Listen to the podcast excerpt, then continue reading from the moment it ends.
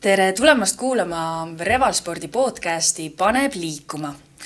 mina olen Kaisa Selde ja olen Revalspordi personaaltreener, aga võib-olla sa tead mind hoopis sellisest telesarjast nagu Suur komöödiaõhtu.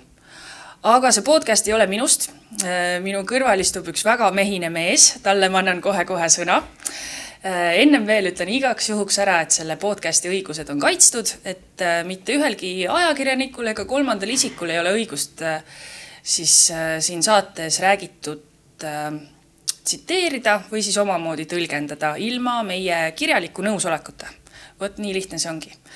aga, aga nii, trummipõrin, minu vastas istub Kaido Leesmann ja tänane podcasti teema on toidulisandid.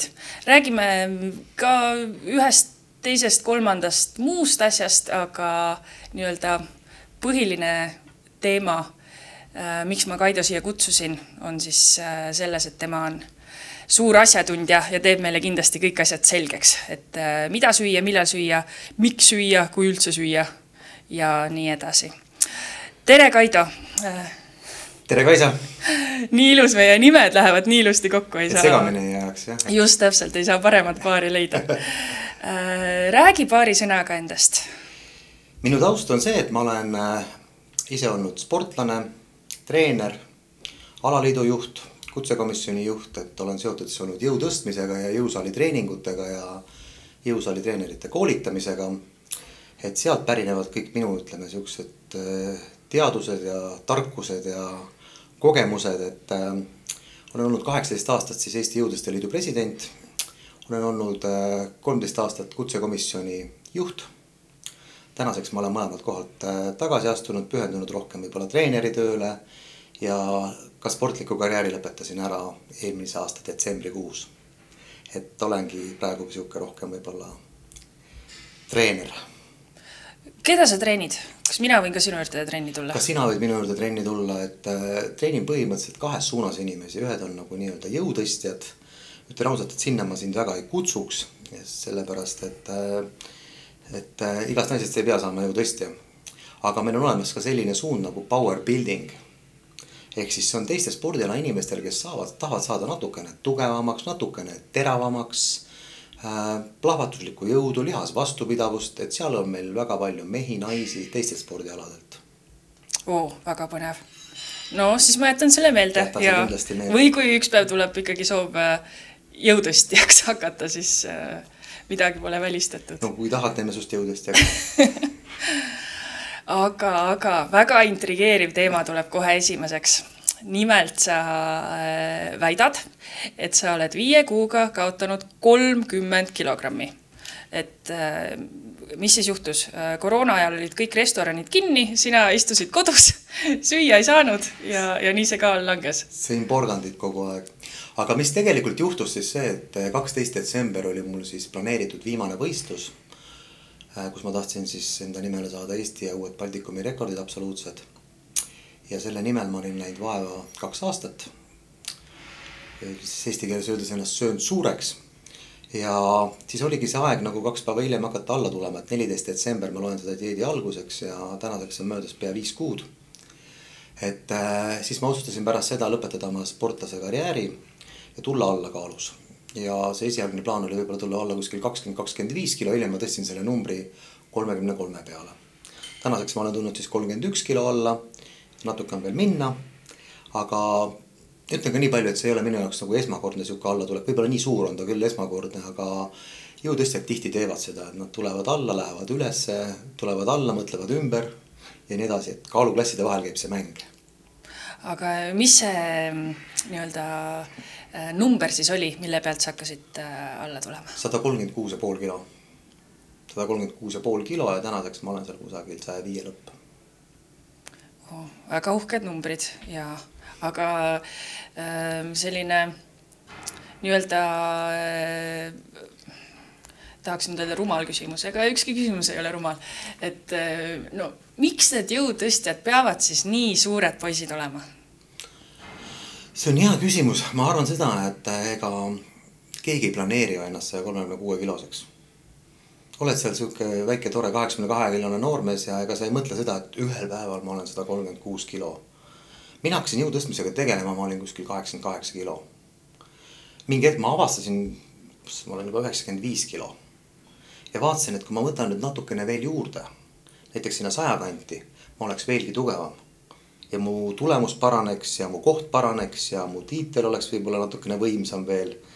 ja varsti ma olen sada kümme ma olin aastaid, kümme aastat olin seal kuskil sada kümme kilo. kuniks ma mõtlesin, et veel.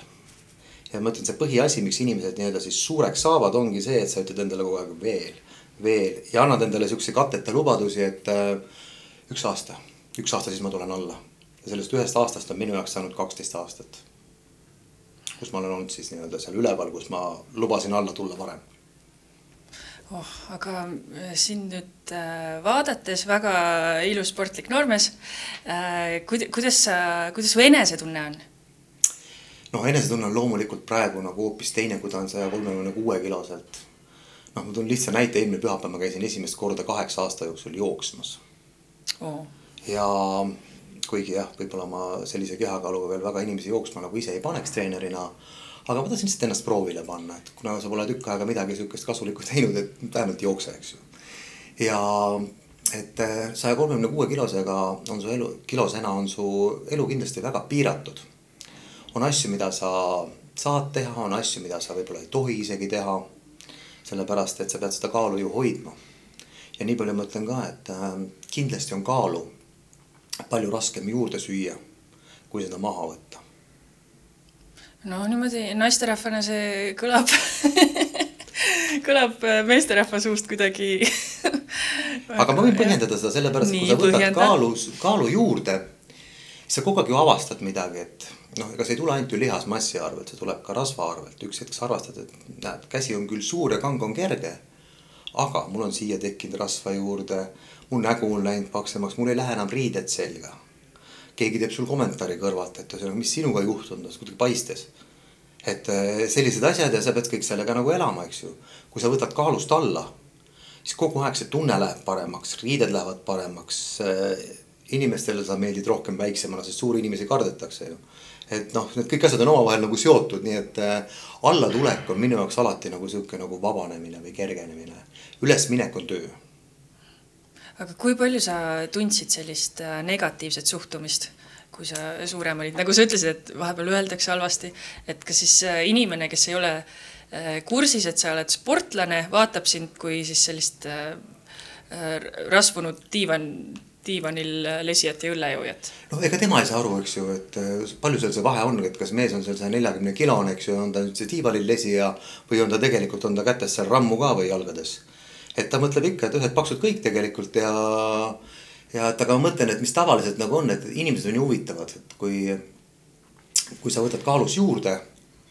ega nad ei küsi, et no kuule, kas sa oled oma eesmärgile lähemale ka jõudnud või, või et kas sa oled saavutanud selle, mis sa oled nagu tahtnud või et äh, sa näed ikka võimas välja. tavaliselt öeldakse, et kuule, et kas sul kolme kilomeetri aeg on muutunud ka või? kuule, su põsed on ikka selja tagant paistavad välja juba, eks ju, ühesõnaga. ja kui sa võtad alla ega keegi ei ütle, et sa näed nüüd palju chillim välja kuidagi või seda, sa nagu teistsugune, kõik küsivad. noh, räägi, kuule, kas su jõunäitajad on kukkunud ka või? et see on kuidagi inimloomusesse tihti nagu sisse kodeeritud ja see on paratamatus ja lihtsalt, kui sa oled nagu sportlane ja teed mingit asja nagu eesmärgiga, sa pead aru saama, et sa ei tee seda enda kõrvaliste inimeste pärast. ma mäletan väga selgelt, ükskord mul üks raamatupidaja tuli, küsis, ütles, et noh, mul olid suured käed seal viiskümmend neli sentimeetrit siis see aeg ja ta ütles, et kuule, vaata, sul on need paksud käed ju mis mõttes paksud, suured käed, nojah, suured, eks ju, ühesõnaga.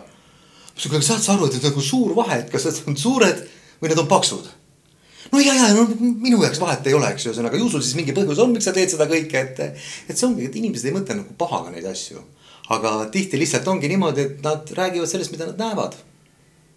ja, aga kui palju niimoodi, äh, kui see sport nüüd natukene kõrvale jätta kui palju see selline äh, suur, massiivne, tugev keha on näiteks iluideaal? no see on kindlasti kukkunud, mina mäletan seda, kui mina hakkasin jõusaalis käima kaheksakümnendate aastate keskel. siis oli niimoodi, et mehe sihuke iluideaal oli sihuke nagu ikka kulturist ja lihastes ja võimalikult palju ikka lihaseid. sest tänapäeval, kui sa vaatad, et kes need on need, ütleme mehed, kelle soenguid järgi tehakse, kelle järgi püütakse nagu joonduda. Nad on kõik siuksed hästi siuksed fit vennad, hästi siuksed nagu ütleme komplekse suudavad seal kõike teha, eks ju, et sa ei ole enam sihuke nagu üheülbaline, et sihuke suur mürakas, kiilakas kindlasti, eks ju, kes kakleb hästi. vaid tänapäeval sul peavad igasugused muud omadused olema ja ma ei tea, laptop seljakotis ja kõik see on nagu sihuke mehe ideaal natuke teistsugune. oh kui põnev, aga äh, kumb sinu jaoks rohkem äh, mehe iluideaal on? ma ütlen ausalt, ma olen sihuke nagu vanakooli vend, et ma muidugi ei, ei näe ka sihukesest, ütleme viiekümne sentimeetriste kätega mehes sihukest nagu potentsiaalset elulooma, aga ma ütlen, et ta jääb kuskile sinna vahesse, et mees peab ikka mees olema ja mees peab nagu välja nägema ka mees ja sööma nagu mees ja, ja ei saa olla ikka päris sihuke nagu tikupulk, ütleme. Oh.. nüüd lähemegi äh, söömise juurde ja kui äh, natuke tuua sedasama äh, kaalutõusu, kaalulangust, siis äh, ütleme siis niimoodi, et mida sa kolmkümmend kilo raskemana sõid ja mida sa nüüd sööd mm? -hmm. ja ütleme, et mul on nagu ütleme väga palju muutunud see menüü kõigepealt tavatoidus. mul on muutunud kaloraaž, mida ma söön igapäevaselt, see on praktiliselt poole väiksem täna. mis on mõnes mõttes nagu vabastav ja kindlasti igasuguste toidulisandite hulk, vitamiinide hulk on muutunud. ehk siis äh, täna ma ei pea mitte midagi kuskil tõestama või mingisugust sooritust näitama. ja see mõnes mõttes nagu ei kohusta mind nüüd, et ma pean nüüd seda sööma, ma pean teist sööma ja kui ma seda ei söö, siis seda ei juhtu. et äh, ma olen täna nagu sihuke nagu suht iseenda peremees. Kui ma olin suure kaaluga, siis ma pidin väga ikkagi noh, ma ei saanud öelda, et ühesõnaga nüüd ma seda ei tee või seda ei söö. sa lihtsalt pead sööma, sest muidu su kaal kukub ja muidu sa lihtsalt ei saavuta oma eesmärki, miks sa suureks sõid et kui ma peaks nagu praktiliselt lugema, siis mida ma täna näiteks tarvitan, on kindlasti ma söön valku pärast trenni. vahest söön ka tavalist valku vahepalan lihtsalt, et saada kätte oma valgu kogus, mida ma jälgin igapäevaselt. ma söön treeni, treeningu ajal aminohappeid ehk siis BCA-d. Ja hommikuti ja lõunati ma söön ka vitamiine, ma söön multivitamiine, kus on kompleksis sees. ma söön juurde sinna veel C-vitamiini, D-vitamiini ja siis oma liigeste jaoks ma söön vahest ka glükosamiini või kollageeni siis nagu äh, reaalse füüsilise toidu jaoks äh, ruumi ei jätkugi, kõht, kõht saab täis juba kõigest sellest. ei saa, need on kõik siuksed pisikesed tabletikesed, et sööd ära, suurmees ei tunnegi seda, et aga ma lihtsalt mõtlen, et see on sihuke nagu mänguline kogus. Võrreldes sellega, mida ma siis saja kolmekümne kuue kilosena tegin, et ma panen sinna juurde igasugused äh, vitamiinid, testosterooni tõstjad, igasugused pre-workout'id, mida võetakse siis enne trenni või enne raskeid trenne. Äh, võib-olla mingid massilisajad, kreatiinid, mis panevad su keha nagu vett täis.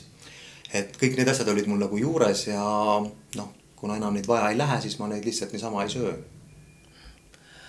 oh, silmest võtab kirjuks, kui sa loed, loetled neid. palju asju on küll jah. aga kõlas läbi selline asi nagu et äh, ma pidin sööma äh,. kirjelda seda äh, minule kui äh, selles mõttes sellest maailmast nii, nii kaugele inimesele, et kui mina lähen äh, koju, mul on täna, tahaks äh, tahaks, ma ei tea, seda süüa, lähen poodi, ostan need asjad, söön seda, et mhm. -huh. et ei teki jah, et mida see tähendab, et ma nüüd pean sööma? noh, sul on, sul on tegelikult ütleme ees kalorite hulk.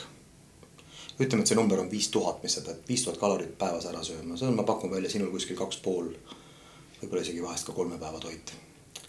et äh, nüüd sa mõtled seda, et äh, ma ei saa endale lubada sihukest luksust, et ma tegin hommikul kaks võileiba, mul ei olnud isu. sa ei saa endale lõunal lubada, et ma võtsin natukene liha ja panin ketšupit ja tegin võib-olla ühe saiakese juurde. sa ei saa endale lubada, sa pead kogu aeg mõtlema kaheksasada kalorit tuhat kalorit, kuskohast sa saad need täis. ehk siis sa pead kogu aeg vaatama, kogu aeg lugema. sa pead lugema, et palju ma sealt valku saaksin kätte. kas sa saad kakssada kuuskümmend grammi valku iga päev kätte? ja noh, kakssada kuuskümmend grammi valku, see tähendab seda üle kilo kana tegelikult juba ainuüksi. ja homme uuesti ja ülehomme uuesti, et see ei ole nagu sihuke ühekordne ettevõtmine. et see eeldab seda tegelikult, et sa kogu aeg nagu mõtled ja kogu aeg nagu loed neid asju ja paned kirja neid asju enda jaoks, sellepärast et äh, sul on eesmärk, sa oled sportlane. ja ütlen ausalt, see teinekord on nagu sihuke poole kohaga töö. Et äh, sa pead tõsiselt nagu vaatama, et sa ei saa endale sihukest luksust lubada, et läksin õhtul sünnipäevale, tegin väikse tüki torti, eks ju, ühesõnaga panin seal kaks šampust. eile ära selle aja jooksul. kas sa oma makroained said täis või? see on kohe esimene küsimus. palju sa said õhtul, õhtul valku juurde, palju sa said seal kella viie paiku valku juurde, et see kõik nagu natuke dikteerib su elu ka appikene, see, ei kõla üldse toredalt. ja, et selles mõttes, et ma vaatan teinekord siukseid suuri mehi ja mõtlen, et seal on tegelikult töö taga, eks ju, võib-olla selline töö, mis nagu isegi ei paista välja, tundub, et lihtsalt. see vend lebotab kuskil, eks ju, ja tegi täna, ma ei tea, kaheksa õlut ja homme tegi kuus õlut, eks ju, ja. nii ta ilmselt seda kaalu kogub, aga sportlastega on teistmoodi. ka jõutõstjatega ja raskejõustiklastega. aga kas see selline söömise nauding jääb ikkagi alles või, või see on ka puhas töö? Minu puhul kahjuks mitte, ma ütlen ausalt, et see nauding ei jäänud alles. ja noh, sa pead kogu aeg sundima ennast midagi tegema. ja sul on kogu aeg see siht silmes, see treenib küll sinu karakterit ja sinu iseloomu. aga ütleme, inimesena sa nagu naudingut tunned väga vähestest asjadest. täna, kui ma nüüd elan nagu teise režiimi järgi, ma ütlen ausalt, minu hommikune menüü on kolm praetud muna, kaks salami võileiba, kaks tassi kohvi ma ootan neid hommikusööke. ma tõsiselt ootan, see on mu highlight täiesti. et äh, lihtsalt võrreldes ka sellega, et mis sa nagu, kuidas sa nagu vanasti pidid endale niimoodi ajama, et tegelikult ots on ninast väljas. et noh, see ei ole üldse nagu lihtne, kui sa teed seal õhtuseid söömaaegu või öiseid laadimisi teinekord seal mingisuguse aeglalt, aeglaselt imenduva valguga või. et see kõik nagu ütleme, on täna nagu sihuke suur pidu, mis käib oh, suur rõõm kuulda oota, mis asi see öine laadimine on? öine laadimine on vahest see, et, ähm, et kui sa teed, võtad näiteks sihukest aeglaselt äh, imenduva valgu, kaseiini. siis ta imendub pika aja jooksul sulle siis, et äh, see on ideaalne selleks nagu öiseks ajaks just nimelt, et sa teed õhtul selle nii-öelda selle laadimise. ja see on väga ideaalne näiteks, kui sa oled hommikul juba trenni või et sul on nagu sihuke, et sul on midagi sinna juba peale antud, kuna ta nii pikalt imendub et äh, ka seda sai nagu päris palju nagu tehtud, et äh, aga noh, ütleme, et siuksed nagu ütleme, õhtused söömised äh,. Nad olid ikka siuksed suht nagu täie, kui on vaja täis süüa kaloraaž, siis siis tuleb süüa. et ega seal keegi ei küsi, et, et äkki täna pole isu või ma rohkem ei taha või appikene ma saan aru, et see on tavainimesele võib-olla yeah. natukene too much, et aga aga noh, eks need suured raskused äh, nõuavad nagu oma osa, et see on nagu ääretult oluline, et see toitumine ei ole lihtsalt teisejärguline, et ah, mul ei ole isu, ma ei taha, eks. ja poes käid siis äh, suure veoautoga?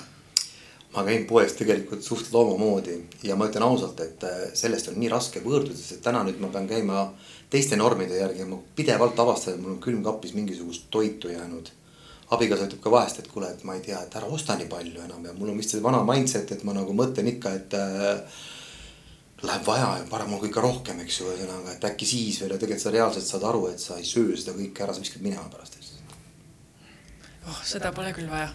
aga naise eest kodus toitu ära ei söö?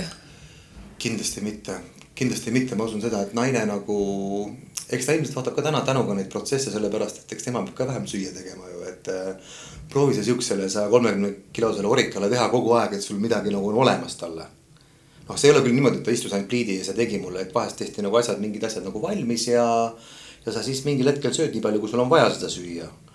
aga noh, ütleme nii, et see elu on läinud väga palju inimlikumaks lihtsalt, et sa saad nagu õigete kogustega nüüd elada ja saad samastuda teiste inimestega nii et näed jah, sina oled siin rõõmsa näoga ja kindlasti naine on kodus ka palju rõõmsam. sõbrad on rõõmsad ja ja ema on rõõmus ja kõik on rõõmsad oh aga siiski me ei propageeri ei ühte ega teist, et, et sport on ka ju ikkagi tore.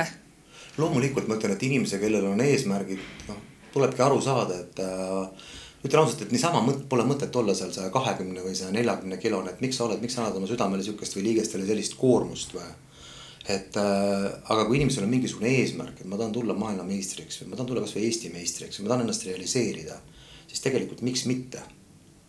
et äh, inimesed ju teevad oma hobide nimel või oma, ütleme, eesmärkide nimel igasuguseid asju. loomulikult ma ei soovita kunagi hulluks minna või oma tervisega riskida näiteks või äh, või seal mingisugustesse ekstreemsustesse nagu laskuda, aga kui sul on eesmärk, siis pühendu sellele, saavuta see ja ela pärast edasi. jah, kas äh, selline äh, jõu tõstmine, siis ma vaatan, me ei jõuagi sinna toidulisanditeni nii põnev on sinuga rääkida. Äh, kas selline jõu tõstmismaailmas natuke puudutasime ka nii-öelda naisjõu tõstjaid, kas mm, -hmm. kas nagu nende maailm on ka täiesti erinev, nagu kui sa oled meesterahvas või sa oled naisterahvas? no eks ta kindlasti on erinev, sellepärast et äh, kindlasti, mis on huvitav, see, et meil on Eestis nii palju naisjõutõstjaid. ja kui tavaline sihuke klassikaline pilt naisjõutõstjast on selline, et ta on suur, saja kahekümne viie kilone, vuntsidega ja tal on midagi sihukest nagu valesti. siis ma ütlen ausalt, isegi ajakirjanikele on vahest öelnud, et tulge vaadake meie võistluse. Nad on ilusad, peenikesed, siledad tüdrukud, kes tõstavad rauda. ja siis vahest keegi kehitab õlga, aga miks nad siis hakkasid jõutõstjateks üldse või? ma usun, et keegi meist ei hakanud jõutõstjateks, et ma olin kuuendas klassis ja ütlesin, ma tahan saada jõutõstjaks. vaid sa oledki kuskil siukses jõusaalis ja teed igapäevaselt trenni ja vaatad mingi hetk su tulemus läheb paremaks ja. ja siis küsid siukse rumala küsimuse, aga kas, ma ei tea, kas lamades surumises võisteldakse ka kuskil või? Ikka võisteldakse, Eesti meistrivõistlused on, maailmameistrivõistlused on, aga mis on Eesti naiste tulemused? noh, seal paremad suruvad seal seitsekümmend ja üheksakümmend kilo ja. aga ma surun kaheksakümmend kilo no aga mine siis võistlustele. oota, kas ma saaks mingi koha ka või? sa oleksid esikolmikus, päriselt või? ma pole mitte kunagi mitte kuskil olnud esikolmikus. ja sealt tekibki inimese jaoks sihuke nagu mott, et sa äkki avastad, et see, mis sa oled siin aastaid võib-olla saalis teinud, et see on mingit vilja kandnud ja nüüd mine ja realiseeri ära see. Oh kui põnev äh, jah, kõlab nagu jah, naistel, naistel võiks niimoodi mööda minna just oh kui äge, aga nii nüüd natuke peatan ennast sellel teemal, et lähme nüüd õige teema juurde ka. liigume. just, ehk siis toidulisandid ähm,. mis asjad need toidulisandid on? alustame siis kõigepealt sellest ja, ja kuidas nad siis toidust erinevad? No toidulisandid ongi sellised asjad, et väga palju küsitakse, et kas mul üldse on vaja mingeid toidulisandeid või et kas ma toidust ei saa seda kätte või mõni inimene vastupidi ütleb hästi siukse sirge selja ja uhke tooniga, et ühesõnaga mina mingit keemiat ei söö mina söön kolm korda päevas, ma saan kõik asjad kätte. kui sa oled äh, tavaline inimene, ei tee mingisugust, ütleme saavutussporti, sa ei ole isegi võib-olla kehaliselt väga aktiivne, sa ilmselt saadki võib-olla niimoodi hakkama oma asjadega. ja mina ütlen, et toidulisand on kindlasti see asi, mida ütleme, vajavad eelkõige need, kes on aktiivsed inimesed mitte ainult sportlased või mitte ainult need, kes hobi korras ka treenivad, vaid toidulisand on mingisugune asi, mis on sulle antud selleks et sind paremini taastada, et sinu sooritusvõimet parandada mingites asjades, et sind millegi eest kaitsta. et toidulisand ei ole ainult selleks, et sulle midagi müüa. ja ma ütlen, vahest on sihuke asi nagu, et keegi võtab lihtsalt mingisuguse paki valku kätte näiteks või võtab mingisuguse rasvapõletaja kätte ja ütleb, et noh, sellega võtab alla või. ja ma ütlengi vahest inimesele, et kuule inimene, et sellega ei võta kindlasti alla, et kus sa oled nagu varem näinud, et toiduga alla võtab toiduga me võtame ikka kõik juurde, aga kõik need asjad hakkavad tööle siis, kui me oleme kehaliselt aktiivsed. siis, kui me teeme midagi, samamoodi see rasvapõletaja käivitab igasugused protsessid ja samamoodi see valk, millega sa siis taastad ära, eks ju, oma valguvajadust no see põhiline küsimus sa juba vastasid ära, tahtsingi teada see miljoni dollari küsimus, et mi, mida ma peaksin siis, milline tablett võtab jah kaalus alla, kui ma diivani peal istun ja, ja milline valgupulber teeb mul nüüd muskli hästi suureks, kui ma diivani peal istun? Pole kahjuks jah sihukest võimalust antud, et, et sa istudes saaksid äh, midagi nagu parendada. Et ikkagi sinna on vaja liikumist juurde ja, ja ütleme, kõik seesama väike rasvapõletaja töötab juba siis sinu elus, kui sa lähed näiteks koeraga jalutama. sa juba liigud, kui sa lähed lihtsalt poodi, lähed kasvõi shoppama, aga juba toimub mingisugune tegevus. et siis on nendel asjadel mõtet, kui inimene on kehaliselt aktiivne. ja samamoodi ütleme, mis puudutab siis see, et ma tahan äh, oma lihast kasvatada või lihasmassi paremini välja tuua, et seda valgupulbrit on ikkagi mõtet süüa siis kui sa midagi teed, kui sa istud päevas kontoris ja sööd seda, jood seda kokteili ja mõtled, et sa selle läbi nagu arened, see ei vii sind kindlasti mitte kuhugi. Aga kas siis ei ole mingisuguseid äh, imetablette, mis tekitavad, ma ei tea, täiskõhutunnet või siis niisama juba põletavad rasva või mida, mingisugused, on ju sada erinevat mingit plaastrit, mis imeb sul tselluliidi ära ja, jah mina soovitan vahest inimestele, kes küsivad, et kas, et tead, ma vaatasin teleturgu ja seal oli sihuke asi nagu saunapelt, et paned selle saunapeldi nagu ümber ja kas ma siis ei pea mitte midagi tegema. mul on täitsa reaalselt soovitad, et kuule, aga mine osta see. mine osta see, võta sellega kakskümmend kilo alla, lihtsalt istu kodus teleka ees, eks ju, pane see endale ümber ja, ja ole õnnelik, et sa mitte midagi ei pea tegema. kas sa tahad endale sihukest elu või? Et äh, kas ongi nagu elu mõte, et sa istud selle mingisuguse vööga teleka ees ja vaatad seda ja, ja oled pärast, et jõle fit näen välja äkki. kui sa isegi väljas ei käi, kellele sa näitad, et sa fit oled, sul endal on hea olla siis et äh, siukseid asju pole olemas, ma ütlen kõigepealt. siukseid asju nagu reaalselt ei ole olemas. Äh, ma saan aru, et me räägime täna hiljem ka dopingust ja erinevatest asjadest. on olemas kindlasti neid asju, mis väga palju kiirendavad ja mida ma kindlasti ei soovita. aga, aga mingisugust imesid niimoodi, et inimene mitte midagi ei tee. et ma istun päevas kaksteist tundi, kuusteist tundi arvutis, mängin seal mingisuguseid arvutimänge ja mu rüht paraneb. ei ole olemas sihukest asja. Õnneks ei ole, ma ütlen selle peale. ja, ja absoluutselt nõus äh, aga kui juba siia tervise teema juurde, siis ma tuleks jälle sinu juurde tagasi, et kui sa nüüd viie kuuga kolmkümmend kilo võtsid alla, kas see, kas selline asi üldse on nii-öelda tervislik või, ma ütlen noh, nagu tavainimese mõistes, et sportlasel jah, see on selline nii-öelda loomulik äh, kadu, kui nii võib öelda, aga kas äh, jah, kas inimene tänavalt jah, oleks võimeline siis viie kuuga kolmkümmend kilo alla võtma? no esiteks ma ei soovitaks seda teha kellelgi järgi või mingeid siukseid asju, kuna ütleme ausalt, et minu kaal oli osaliselt ka kunstlikult viidud sinna ülesse et ma tegelikult ikkagi ei ole valdavat osa oma elus elanud väga suure sihukese nagu kaaluga. et aga kui inimene tahab ikkagi tänavalt, inimene tahab võtta kaalust alla, siis see periood peaks olema kindlasti lühem. ja ütleme, see number näiteks kilodes, mis ma alla võtan, kindlasti palju väiksem. et noh, ütleme sihukese lihtsa asja, et ühesõnaga, et kui oleks keegi sõber mul nüüd sama asja näiteks küsinud et palju ma peaks alla võtma ja mis perioodi jooksul, et noh, ma ütleks talle võib-olla võta seal mingisugune kolm-neli kilo kuus tee seda kolm kuud ja puhka, saad ilusti kümme kilo alla, sul on juba palju kergem olla, sul on hammas verel. natukene puhka, stabiliseeri ära see kaal, harju elama selles ja siis pärast võid edasi liikuda.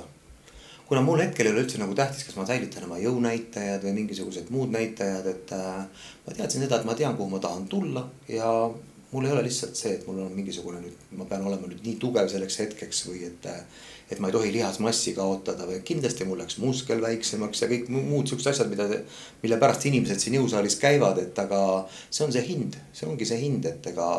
aga see on tegelikult väga kurnav ja ütleme ka psühholoogiliselt, kui sa saad viis pool kuud või pead seal viis kuud midagi tegema, nii et äh, iga päev kirjutad üles, iga päev jälgid menüüd, et kui palju inimesed suudavad seda üldse nagu teha, et see nagu et seda on väga raske teha väga pika perioodi jooksul. Ja siis see kaal võib ka mingi hetk äh, kiiresti tagasi tulla, kui sa ühel hetkel selle psühholoogilise pinge all murdud näiteks. muidugi, muidugi selle asja nimi ongi see, et katus sõidab, läksin mingist magusapoest mööda, sõin kolm tahvlit šokolaadi, millest see tuleb? see ongi sama murdumine, millest sa nagu räägid, et. et organism on olnud nagu siukse kurnatuse piiril väga pikalt ja mingi hetk lööb käega, et ah, ma ka ei jaksa niimoodi üks elu ja nii edasi ja siis tekivad inimesel siuksed ekstreemsused. jah, nii et väga õige, nagu sa ütlesid, see peaks olema selline äh, stabiilne, pikaldane protsess, et ei ole kuskile kiiret. et äh, äh, suvehooaeg, nagu me mõnel aastal näeme, jääb täiesti vahele, nii et ei ole vaja üldse mingisugust äh, ranna, rannakeha vormi, seda ma räägin endale kogu aeg huvitav on see, et inimesed räägivad hästi palju, et, et ma hakkan nüüd siin noh, jõusaalis on tegelikult kolm sihukest nagu perioodi, kus käiakse, et septembris läheb saal suht täis. noh, ilmselgelt sihuke suve pattude lunastamine hakkab pihta. siis on jaanuar, siis kui on uue aasta lubadused. ja siis on sihuke, nagu ma olen tähele pannud kuskil märtsi lõpp ja aprilli algus, kus kohas inimene tahab anda veel viimase võimaluse. et äh, tahan rannavormi saada. samas ma mõtlen, et needsamad inimesed, kes tulevad nüüd siia seda rannavormi tegema, võiks kõigepealt küsida, et kui palju ma üldse suvel rannas käin reaalselt sest tegelikult minu arust, et sellest hakkabki kõik nagu pihta, et ühesõnaga, et äh, see on tore, kui sa tekitad endale mingisuguse hea nagu harjumuse. aga proovi seda, et sa ei tee seda nagu hooajaliselt, vaid see, et äh, käi kasvõi aastaringselt, ma käisin kord nädalas trennis. sa olid stabiilne, sa olid tubli, eks ju, nagu sa käisid kaks, väga tubli. kolm, jätka jaa, täpselt nii, aga äh, kuidas sa oled tähele pannud, kas siis need siuksed rannavormi otsijad tulevad, tahavad siis kuu ajaga kakskümmend kilo alla saada ja, ja musklipunni või, või, või kes ka, jah. Nad tahavad, nad tahavad seda kindlasti, aga ma ütlen, paraku nad isegi ei pea juunikuuni tihti vastu, et nad tulevad ja lähevad sellepärast, et noh, ütleme, selle vormi tegemine ei ole lihtsalt selline asi, et ma nüüd tulin ja tegin kolm kuud vormi. sest kohe lihtne küsimus on see, mida sa teed nagu järgmised kolm kuud. mida sa teed seal juuni, juuli, august istud seal, jood õlut, teed grilli või eks ju, ühesõnaga saad septembris jälle tagasi, teed jälle kuu aega. mida sa teed oktoober, november, detsember. et jällegi alati on see küsimus, et kui ma nüüd midagi saavutan või midagi jõuab mulle nüüd nagu kohale, mida ma teen edasi. kas ma jään sellesse nagu elustiili või elurütmi või ma lasen kõikidel minna, et näed, kui tubli ma olin siin kuu aega jah, ja lähen ikkagi seda imetabletti otsima. ja ikka lähed ime ja usud, eks ju, kõiki asju, kus kohas Malle võttis alla kolme, kolme kuuga kolmkümmend kilo, eks ju, ühesõnaga mingisugused telereklaamid ja. et proovi seda dieeti ja teist dieeti ja kolmandat, iga dieet on seotud tegelikult inimese karakteriga. et äh, sa ikkagi pead olema nagu järjepidev milles ja millegis ja süsteemne sellepärast, et nii kui sa selle ära lõpetad, sa oled ju lõpuks tagasi. üks huvitav fakt on see, et Ameerika sihuke saade Biggest Loser. seal tehti kunagi üks sihuke väike uurimus, et mis on saanud nendest inimestest, kes on saates osalenud. ja mitte ükski inimene, kes on selles saates osalenud, ei ole suutnud säilitada oma seda kaalu, kuhu ta jõudis ehk siis, kui temaga tehti see viimane pilt, et näed, kui ilus sa oled, näed, kuidas mõnel inimesel kõik õnnestub, nad on kõik läinud sinna tagasi. ja sealt tulebki tegelikult see põhiolemus või probleem nagu välja, et kui inimese karakter või inimese iseloom või elustiil ei muutu see ei muutu mitte midagi. jaa, absoluutselt väga õige. nii, tuleme nüüd jälle siia toitumise, toidulisandite juurde tagasi. et äh, kui sa ütlesid, et äh, kui, kui ma olen aktiivne inimene, teen trenni, eks ole äh,, ei pea üldse mingisugusel profitasandil või mingisugune sportlane kuskil olema, et äh, mingit toidulisandit mul on ikka, ikka nagu oleks vaja. aga kust ma seda tean, et on vaja?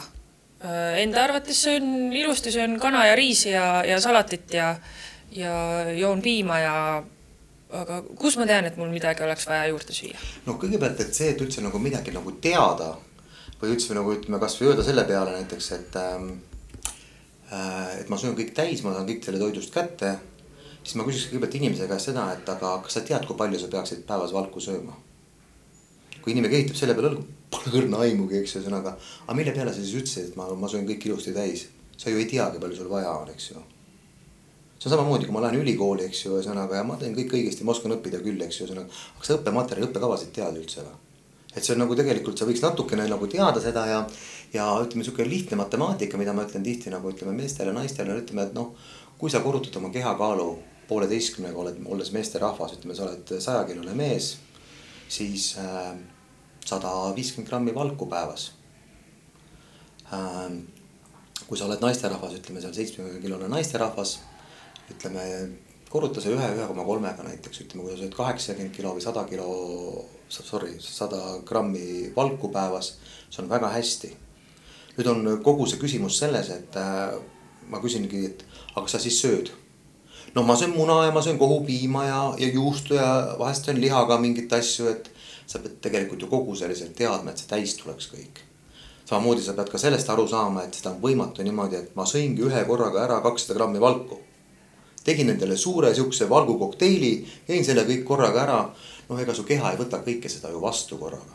see peaks olema nagu mitme korra peale ikkagi ära jagatud. või näiteks, kui sa sööd seal kilo kana korraga ära, näed, ma sain kõik korraga kätte, näed, mõni ikka oskab, eks ju. see ei käi niimoodi, see tuleb päeva peale nagu ära jaotada ja kui inimene nagu teeb seda nagu teadlikult, kui tal on see nagu ütleme, see know-how olemas.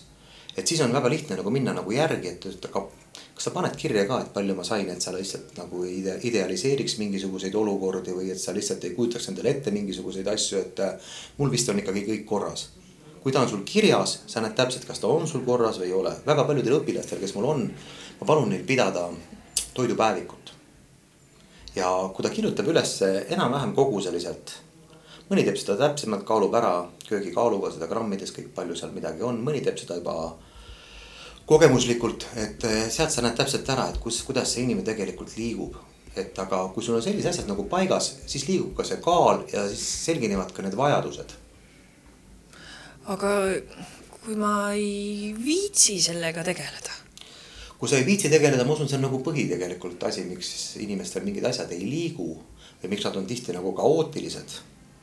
Et äh, inimene ei viitsigi neid asju teha, aga see tulebki aru saada sellest, et kui meil äh, kaal tõuseb, siis selleks me ei pea ennast sundima. see tuleb meil iseenesest. kui sa istud, kui sa sööd, kui sa lubad endale rohkem, kui sa kulutad vähem, kui sa tarbid, siis ta tulebki juurde ja sealt, äh, selleks ei pea keegi meist pingutama.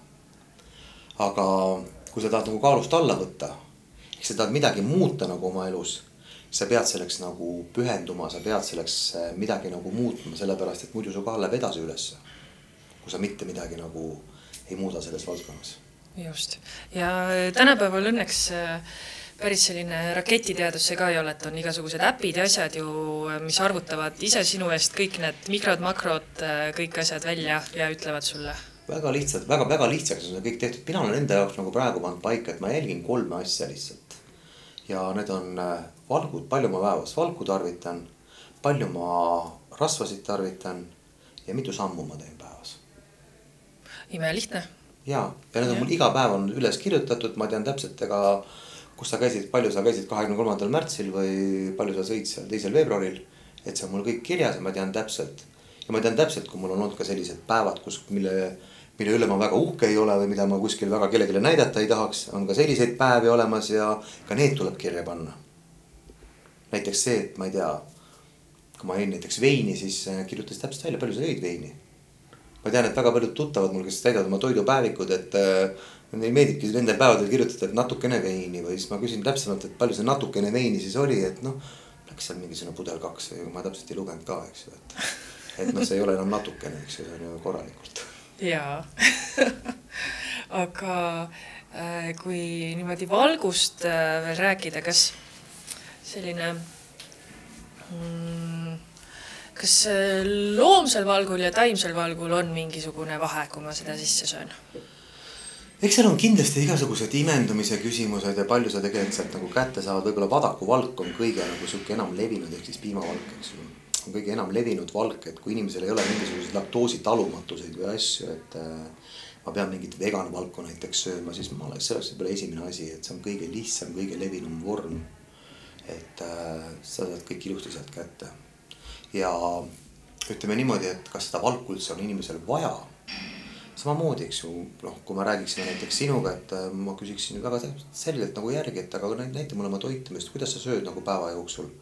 sul on nii ja nii palju vaja, kuule, sa sööd tegelikult päris hästi, et sul ei ole tõesti vaja et aga mõni võib-olla küsib selle peale, et aga alati pärast trenni peaks ju valku valku ju jooma, et siis taastad ära kõik ennast ja saad, eks ju, oma lihasmassi kõik tagasi ja. aga kui ma lähen siia kohvikusse sööma ja söön kana, eks ju, ühesõnaga kreeka salatiga või mis iganes seal ja sellest piisab, eks ju. sul ei ole mõtet ju topelt seda süüa kõike, eks ju. just, aga mis hetkedel, issand, ma tahan nii palju asju nüüd küsida ähm, kas äh, mingi hetk on see toidulisand äh, ka asi, millega asendada toitu või seda peaks täiesti vältima, sest igal äh, vitamiinipakil ja igal pool on ju kas siis väiksemas või suuremas kirjas on, et ei, ei. ei asenda, eks ju. just, ei asenda. no ma arvan, see on Ravimiameti poolne nõue, et see sihuke oleks seal nagu peal. ja ma ei soovitaks nagu üldse isegi nagu ütleme, jõusaane inimestel nagu sattuda ekstreemsusesse ei ühte ega teistpidi vahest mõni inimene nagu ütleb hästi sihuke nagu uhkelt, et mina ei tarvita mitte midagi. mina saan kõik oma asjad Selverist kätte. tore, eks ju, ühesõnaga, et, ähm, et äh, ma ise tegin oma esimesed kümme-viisteist aastat sporti niimoodi, et ma ei võtnud ühtegi nagu toidulisandit. käisin sirge seljaga ja kui keegi küsis mu käest, et mina seda keemiat ei söö. et ma olen ka piisavalt hea, eks ju, niisama. samas sa mõtled, et tegelikult need asjad on ju millegi jaoks ka head ju. eriti kui sul oled siukse nagu aktiivse elustiiliga inimene, et ähm, siis tegelikult ju kui me räägime, et kas seal on liiga palju keemiat sees või kõiki asju. palun vaatame, ma ei tea, neid kohupiimasid, mida me sööme, eks ju, et äh, mis maitsega see on, eks ju, kuidas see maitse on saadud, eks ju, ühesõnaga. kuskilt loodusest jälle või teadus ütles jälle nagu tänapäeval igal pool.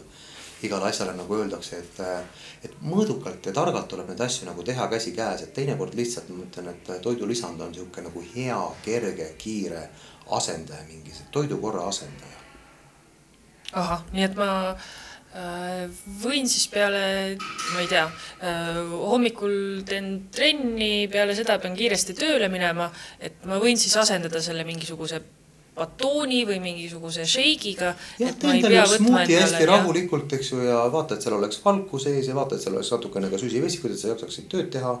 et eh, oleks need asjad seal kõik nagu olemas ja alati saad sinna ju lisada, smuuti on nagu sihuke hästi hea asi, et sinna saab alati ju panna niimoodi kõiki neid asju sisse, mis sa tahad et küll see ära segatakse seal sees, et, et noh, mulle sellepärast meeldib pudru süüa hommikuti väga, sest pudrusse saab igast asju panna kogu aeg. sa võid sinna panna pähkleid või mandleid, võid panna peanut butter'it või ma ei tea, mida iganes. ja siis sul kogu see list kogu aeg kasvab, mis sa sealt kätte nüüd said, eks ju. et praetud muna juurde sa ei saa kõiki asju niimoodi panna,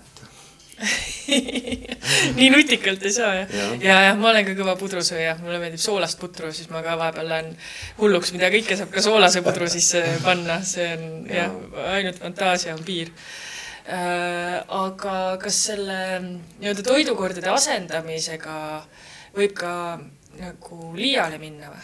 ja ma olen, tean inimesi, kes näiteks joovad päevas viis korda valku ja et äh, ma arvan, et inimesel ei ole nii palju seda vaja lihtsalt. et sa ju sööd korralikult ja et võib tekkida vahest, mis ma olen näinud ka sportlaste puhul tegelikult mingisuguse mingi asja suhtes nagu sihuke kerge nagu sõltuvus, et ma pigem söön rohkem seda asja. ma pigem teen omale selle portsud kõik kahekordseks või viiekordseks, eks ju, küll organism viskab välja need asjad, mida pärast vaja ei ole. et ähm, noh, pigem teha ikkagi niimoodi nagu targalt ja mitte kurnata ennast nende asjadega, et äh, et äh, tekib jah, vahest ütleme sihuke nagu sõltuvus, et see on no, nagu inimestel on vahest nagu näiteks ma ei tea, ravimissõltuvus, et äh, mul pea natukene valutab, eks ju, siis ma panen kolm tabletti sisse korraga, kas sul on kolme vaja, eks ju. võib-olla kui sa paned sellises tempos, sul on kahe aasta pärast viite vaja juba. et mitte nagu üle forsseerida ka oma keha, sellepärast et äh, ei pea alati sinna kõiki asju sisse toppima niimoodi äh, jälle selle äh, šeikide ja toidulisandite ja kuidagi Äh, see tundub sellisele äh, nii-öelda mugavale inimesele nagu noh, mulle ütleme äh, väga väga mugavalt, et ma vaatan sealt pakendilt, mida see sisaldab, on ju. teen endale selle shake'i, siis ma ei pea minema poodi ja mõtlema, et oh appi, palju mul siin nüüd selles kohupiimas seda valku on ja palju mul nüüd selles õunas seda C-vitamiini on. et kas ka mingisugune selline asi on üldse teema, et olla kindel, mida sa sööd, siis süüakse toidulisandid äkki üle, samas sa saad juba toidust selle kõik kätte.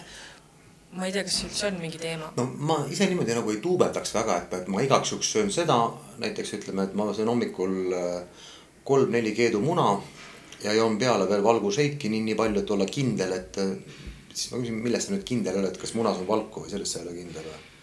Et piimas ei ole valku või et ühesõnaga, et ei ole mõtet nagu üle rabeleda, kuidas ma ise olen nagu vahest soovitan nagu üles ehitada, et äh, toit on toit. ja ütleme, need toidulisandid on tihti nagu vahepaladena. sest inimestel on väga palju tegelikult ju tekib siukse nagu ütleme päeva jooksul siukse nagu nõrku kohti. ma toon lihtsa näite, et noori inimesi, keda ma treenin, et nad hommikul ilusti korrektselt söövad kodus kell kaheksa lähevad kooli ja kahjuks on see koolis söögivahetund siis, kui ta pannakse, mitte sa ei saa seda ise võtta, eks ju, see on kuskil mingisugune kell üksteist ehk siis kolme tunni pärast sa sööd lõunat. ja söödki ära ja kõik on nagu sinnamaani väga okei okay.. mis kell tunnid lõpevad, no kaks pool kolm seal, eks ju, edasi. no siis ma tulen kohe jõuksi. tulen jõusaali, teen kaks tundi trenni, olen seal ütleme kella kolmest kella viieni trennis, kuuest jõuan koju, siis söön. ja nüüd, kui me teeme lihtsa siukse nagu matemaatika, et tegelikult inimene on seitse tundi söömata seitse tundi söömata. no siis ma küsin, et aga mis sa siis vahepeal teed, no mul üks batoon on siin ka, eks ju, siis ma proovin selle ikka enne trenni ära süüa. no see üks batoon seitsme tunni peale jääb ikka väga nõrgaks. et need on sellised kohad, kus kohad ma nagu pidevalt mõtlen, et kui nüüd oleks selline nagu ütleme päevakava.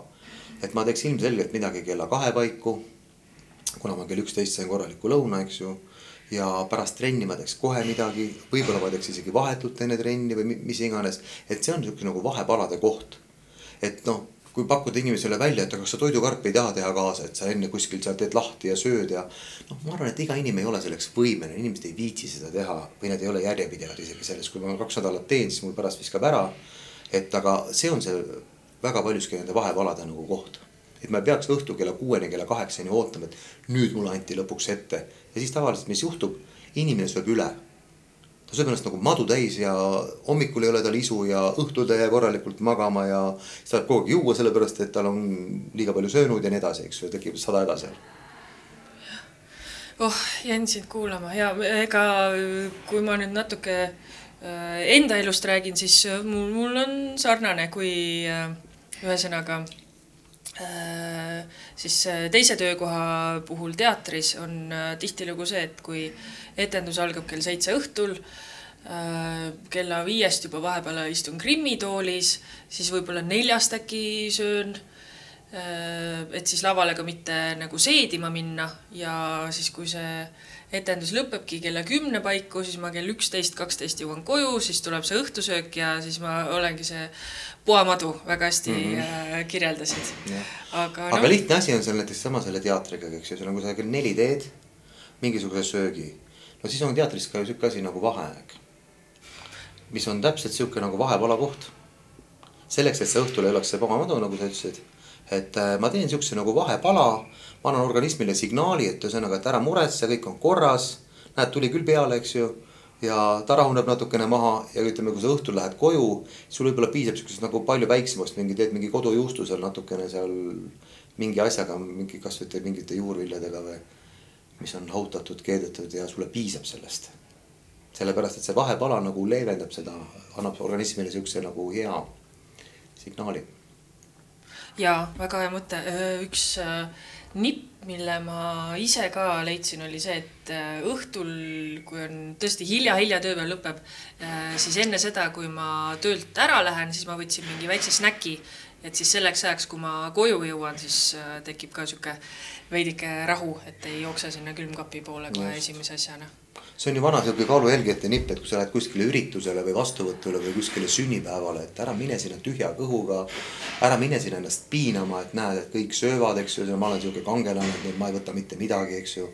lihtsalt söö natukene ennem kodus, anna organismile jällegi see signaal ja ära teda nagu kurna või ära seda piina seda nii palju. et see on alati nagu ääretult oluline oh, väga õige, nii häid nippe saab ka nii hea rääkida tarkade inimestega. Äh, aga nüüd meil natukene on saadet veel järgi, niimoodi kümne minuti jagu, et äh, jõuame veel mõned teemad siin äh, läbi võtta. Väga,, väga-väga põnev on. Ähm, kui me toidust rääkisime Äh, siis äh, toidu kohta ma tahaks sellist asja teada, mis on ka selline levinud, äh, mingis mõttes levinud müüt või arusaam, et kui ma toitu töötlen, kas, kas see toit siis kaotab mingisuguseid vitamiine, mineraalaineid? kindlasti, kindlasti ta kaotab, et, et noh, võtame kasvõi mingisugused külmutatud asjad, eks ju, et kui sa oled juba seal külmas olnud, et äh, sealt on mingid asjad on kindlasti nagu omadused nagu ära kadunud, et äh, kuidas nagu kõige paremini neid asju nagu säilitada, on alati ikkagi see, et kui sa nagu keedad või sa hautad neid asju. et see on nagu kõige nagu sihuke nagu väiksem kadu, et aga kui sa neid asju nagu praed ja kui sa neid asju nagu kuskil paneerid või teed seal nendega mingisuguseid muid seal siukse trikke, et, äh, et selles mõttes nagu ütleme, sihuke nagu, mida vähem see asi on nagu töödeldud, seda rohkem on seal see protsent ka õige. et äh, see on tegelikult nagu väga oluline asi, et, äh, et teinekord, kui sa juba ostad nagu sihukest nagu valmis toitu. et ehk siis keegi teine on äh, töödelnud seda sinu eest. sa isegi ei tea ju kunagi, kuidas ta on töödelnud või millega ta on töödelnud, sellepärast et toiduainete tööstuses on ka ju omad trendid, et võimalikult näiteks võimalikult kergelt tõsta nagu mingisuguse mingisuguse asja kaalu, eks ju, kuidas seda nüüd tehakse, eks ju, sa hoiad seda sool vees, eks ju, siis ta kaalub selle aja pärast nagu natuke rohkem. mis see nüüd aja jooksul tähendab, see tähendab firmale nii ja nii suurt kasumit, eks. et eh, kuidas seal mingisuguseid asju võib-olla segatakse omavahel kokku ja et eh, noh, need on nagu noh, selles mõttes on need nagu väga siuksed nagu olulised asjad, et mida rohkem sa oma silmaga näed ja saad ise seda teha ja töödelda seda asja. et seda rohkem sa saadki neid asju nagu näiteks noh, ma ütlen, lihtsad asjad on näiteks nagu igasugused äh, kohupiimad ja siuksed hästi maitsvad igasugused. loe teinekord, palju seal on näiteks üldse nagu ütleme seda toite väärtust. vaata, palju seal on kaloreid ja vaata palju, kuidas see kõik oleks, kui sa ostaksid näiteks mingisuguse täiesti naturaalse toote. ostaksid seal marjaletist mingisugused, ma ei tea, mustikad või maasikad või vaarikad ja ise maitsestaksid seda kõike. ja proovi seda maitse erinevust ka, et see tegelikult on nagu väga suur erinevus. Ehk siis, et igasugused nagu ütleme, valmis asjad, nendega peab olema alati nagu hästi ettevaatlik ja eks sama asi on tegelikult ka ju väljas söömistega, kus kohas tegelikult köögis seda toitu siis töödeldakse sinu eest. et jah, sa ju ei tea, mitu päeva see õli on seal olnud, eks ju, kuskil aga näeb küll väga isuäratav välja ju, lähed kuskile peenesse restorani. on ja..., noh, ma arvan, et mida peenem on restoran, eks võib-olla noh, äh, ma väga palju nendes köökides seal käinud ei ole, et aga eks äh,, eks kusagil on see moraalikompass ka kõrgem ja kusagil on see nagu madalam, et äh, mõni ei löö risti ette, kui seal mingi asi on seal üleilmne, aga siis teised sätivad väga seda asja. jah appi, mul tuleb üks õudne lugu meelde, ma ikkagi räägin ära. Äh, kui ma kunagi käisin, äh, äh, töötasin ka restoranides ja kohvikutes ja siis oli hügieenikoolitus, kus siis koolitaja rääkis. Uh, see oli õnneks aastaid tagasi, aga kui palju leitakse rotikäppasid pelmeenide seest, et see number oli hirmuäratav, et nüüd iga kord, kui ma pelmeenileti juurest mööda lähen, siis siuksed külmavärinad tulevad peale. ei, väga õige, mina mõtlen näiteks pelmeeni kohta ka, et on ju noh, kui me räägime siin töötamisest või asjast, et äh, milline peab olema see pelmeen, et seda nagu üldse süüa. Et ta on külmas, okei okay,, parimatel on seal peale kirjutatud, see on täisterajahust tehtud, eks ju, ja põdralihast. kui palju on selles külmas seal seda põdraliha reaalselt? et need on kõik sellised asjad, mida ütleme jutuks nagu ilus, aga ütleme noh mitte, et ma oma elus nagu pelmeene poleks kunagi nagu söönud, et aga kindlasti võib-olla mingis söögikohas, kus kohas tehakse koha peal neid pelmeene, on suurem šanss, et seal ei ole neid rotikäpakesi sees, et äh, kui kuskil see, et ta on masstootmine ja lihtsalt, et ja ma, ma ei taha mitte kellelegi ja, liiga ja, teha. et kindlasti tänapäeval tehakse juba väga-väga. on vähem neid käpakesi. on vähem käpakesi või siis see, see hakitakse peenemaks ja, ja et me ei tunne seda. just, aga kui me juba pelmeenidest rääkisime, mis on veel need sellised äh, toidud, mida sina nii-öelda väldid või? ja ma ütlen ausalt, et eks ma väldin igasuguseid asju, mis on nagu paneeritud ja ja mis on nii-öelda nagu ütleme, töödeldud ja veel kord töödeldud ja siis veel kord töödeldud, et äh, et ma tahaks, et kui ma söön nagu liha, siis ma, mulle millegipärast meeldib alati nagu käia siukestes nagu ütleme, Kaukaasia kohtades. On need siis mingisugused grusiinlaste omad või armeenlaste omad või just ka sellepärast, et selles riigis on tegelikult, nendes riikides on äh, tihti nagu sihuke nagu toitumisharjumus natuke teistsugune et seal nagu ütleme, sõbrale ja külalisele ei serveerita sihukest nagu üleeilset lammast või mingit sellist asja, et ta on kuskil olnud mul siin pool aastat külmas, eks ju, aga nüüd ma võtsin välja ja. et see on nagu sihuke, neil on nagu sihuke nagu hea tava ja kuna nad käivad üksteisel väga palju seal ka söömas. Siis äh, see jutt läheks nagu väga palju laiali, kui näiteks vaatame, mis need armeenlased seal pakuvad et kui sa lähed tegelikult armeenlaste või näiteks grusiinlaste söögikohtadesse, sa näed seda tegelikult, et see asi on alati nagu hästi nagu sihuke nagu värske või ta on nagu alati sihuke väga maitsev. et eh, see tulebki nagu nende sellisest kultuurist, et palavas seal väga palju mingid asjad ei säili. et see asi peab olema alati nagu suht värske. et need on nagu mingid sellised asjad, et aga ma proovin jah, et igasuguseid noh, isegi nüüd selle dieedi ajal ma mäletan, ma käisin ükskord eh, Pärnus Stefani pitsas ja lihtsalt sõimegi sõpradega igaüks ära ühe selle suure pitsa, mis oli kõige väiksem pitsa, aga mis oli tegelikult piisavalt suur ja kui ma hakkasin lugema, palju seal nagu need kaloreid võiks olla silma järgi no alguses ma jäin kuskil tuhande viiesaja peale pidama, pärast mõtlesin, ei alla kahe see kindlasti nüüd ei olnud. noh, ütleme, et mitte midagi tegelikult ei juhtunud ju. ma ei tea, mul ei läinud dieet katki või eks ühesõnaga ma ei nutnud pärast õhtul kodus või. Et aga sa teed selle ära, aga sa pead aru saama siis, et sellel on oma hind. sa pead midagi nüüd tegema topelt, sa pead hakkama nüüd liigutama ja et need on need asjad, et mille, mida tuleb alati nagu arvestada, et kui sa oledki kuskil sünnipäeval, sulle pakutakse torti, ära aja nina kirtsu, et ma ei võta seda torti või et ma olen nii printsipiaalne vend, et söö see tort ära, eks ju, aga arvesta, et sa nüüd midagi nagu kuskil pead tegema kas rohkem või siis sööma kuskil vähem mingi teine sats.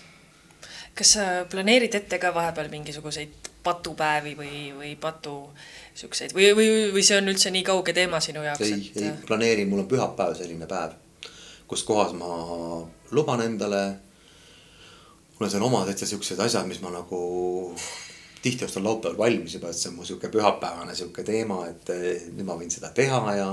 ja nüüd ma just hiljaaegu üks päev mõtlesin, et mul saab see dieet kakskümmend kolm mai saab läbi, et, et mis edasi. Siis ma saingi aru, et ega midagi ei muutu tegelikult, sa pead samamoodi edasi sõitma, et ühesõnaga jääbki see üks päev ja. aga noh, samas ma mõtlen, kui ma lähen sõbra juurde sünnipäevale, et noh, eriti praegu, kui ei ole mingit võistlusperioodi. no ma teen seal selle programmi kaasa, ega ma ei ole nüüd selline, et ühesõnaga, et vot tema ei tohi, eks ju, ühesõnaga tal on nüüd see. et ma saan aru, et mul on järgmine päev on tõsine tööpäev. ülejärgmine ka võib-olla, eks ju, igas valdkonnas. et see võib-olla vaja põletada rohkem või vaja, eks ju, oma toitumist veelgi rohkem jälgida, on kuidagi vaja see kõik välja saada sealt seest. Aga ma ei karista sõpra selle eest, et, et minul on dieet või seda seltskonda seal, et jaa, väga õige. oi kui põnev, ütle, mis sa siis pühapäeval sööd ja jood kõigepealt, mida ma joon, mul on esimene asi, mis ma joon, on üks õlle, mille ma endale võin lubada, see on IPA. tavaliselt see on sihuke inglaste oma St Petersi IPA, see on mul üks siukse nagu lemmikuid. siis äh, paar korda on niimoodi olnud, et ma, ma ei ole raatsinud juua seda. Ma olen liiga hilja jõudnud koju ja mõelnud, et ei, ei, homme pean kaaluma ja siis ma ei tee, sest see on asja nimel ahnus. nii, aga reeglina ma ikkagi olen selle ühe IPA nagu endale ära valanud ja siis ma joon peale tavaliselt mingisugust head veini. mida ma olen endale lubanud ja mingisugust erilist sööki, kus on tavaliselt mingisugune dessert, magustoit. kus on mingisugune, kas on see mingi eriline kala või mingisugune eriline liha ja et, et ma kuidagi tahaks siukest sellel päeval nagu kuidagi nagu väga nagu siukest mõnusat telebot võtta oh kui mõnus, selliste mõnusate oh, mul hakkas küll äh, suu vett jooksma, sellepärast peamegi siin väikse pausi tegema. aga Kaidoga meil jäi jutt täiesti pooleli ja sellepärast äh, kohtume Kaidoga ka järgmises saates. Ja äh, kui sul on ka mingisuguseid küsimusi, mida sa tahad Kaidolt küsida, kas toidulisandite või toitumise kohta, siis kirjuta meile ja ma järgmises saates siis küsin need küsimused kõik Kaidolt ära. aga seniks ole tubli, liigu, loodetavasti ka meie saade pani sind liikuma. ja kohtume juba peagi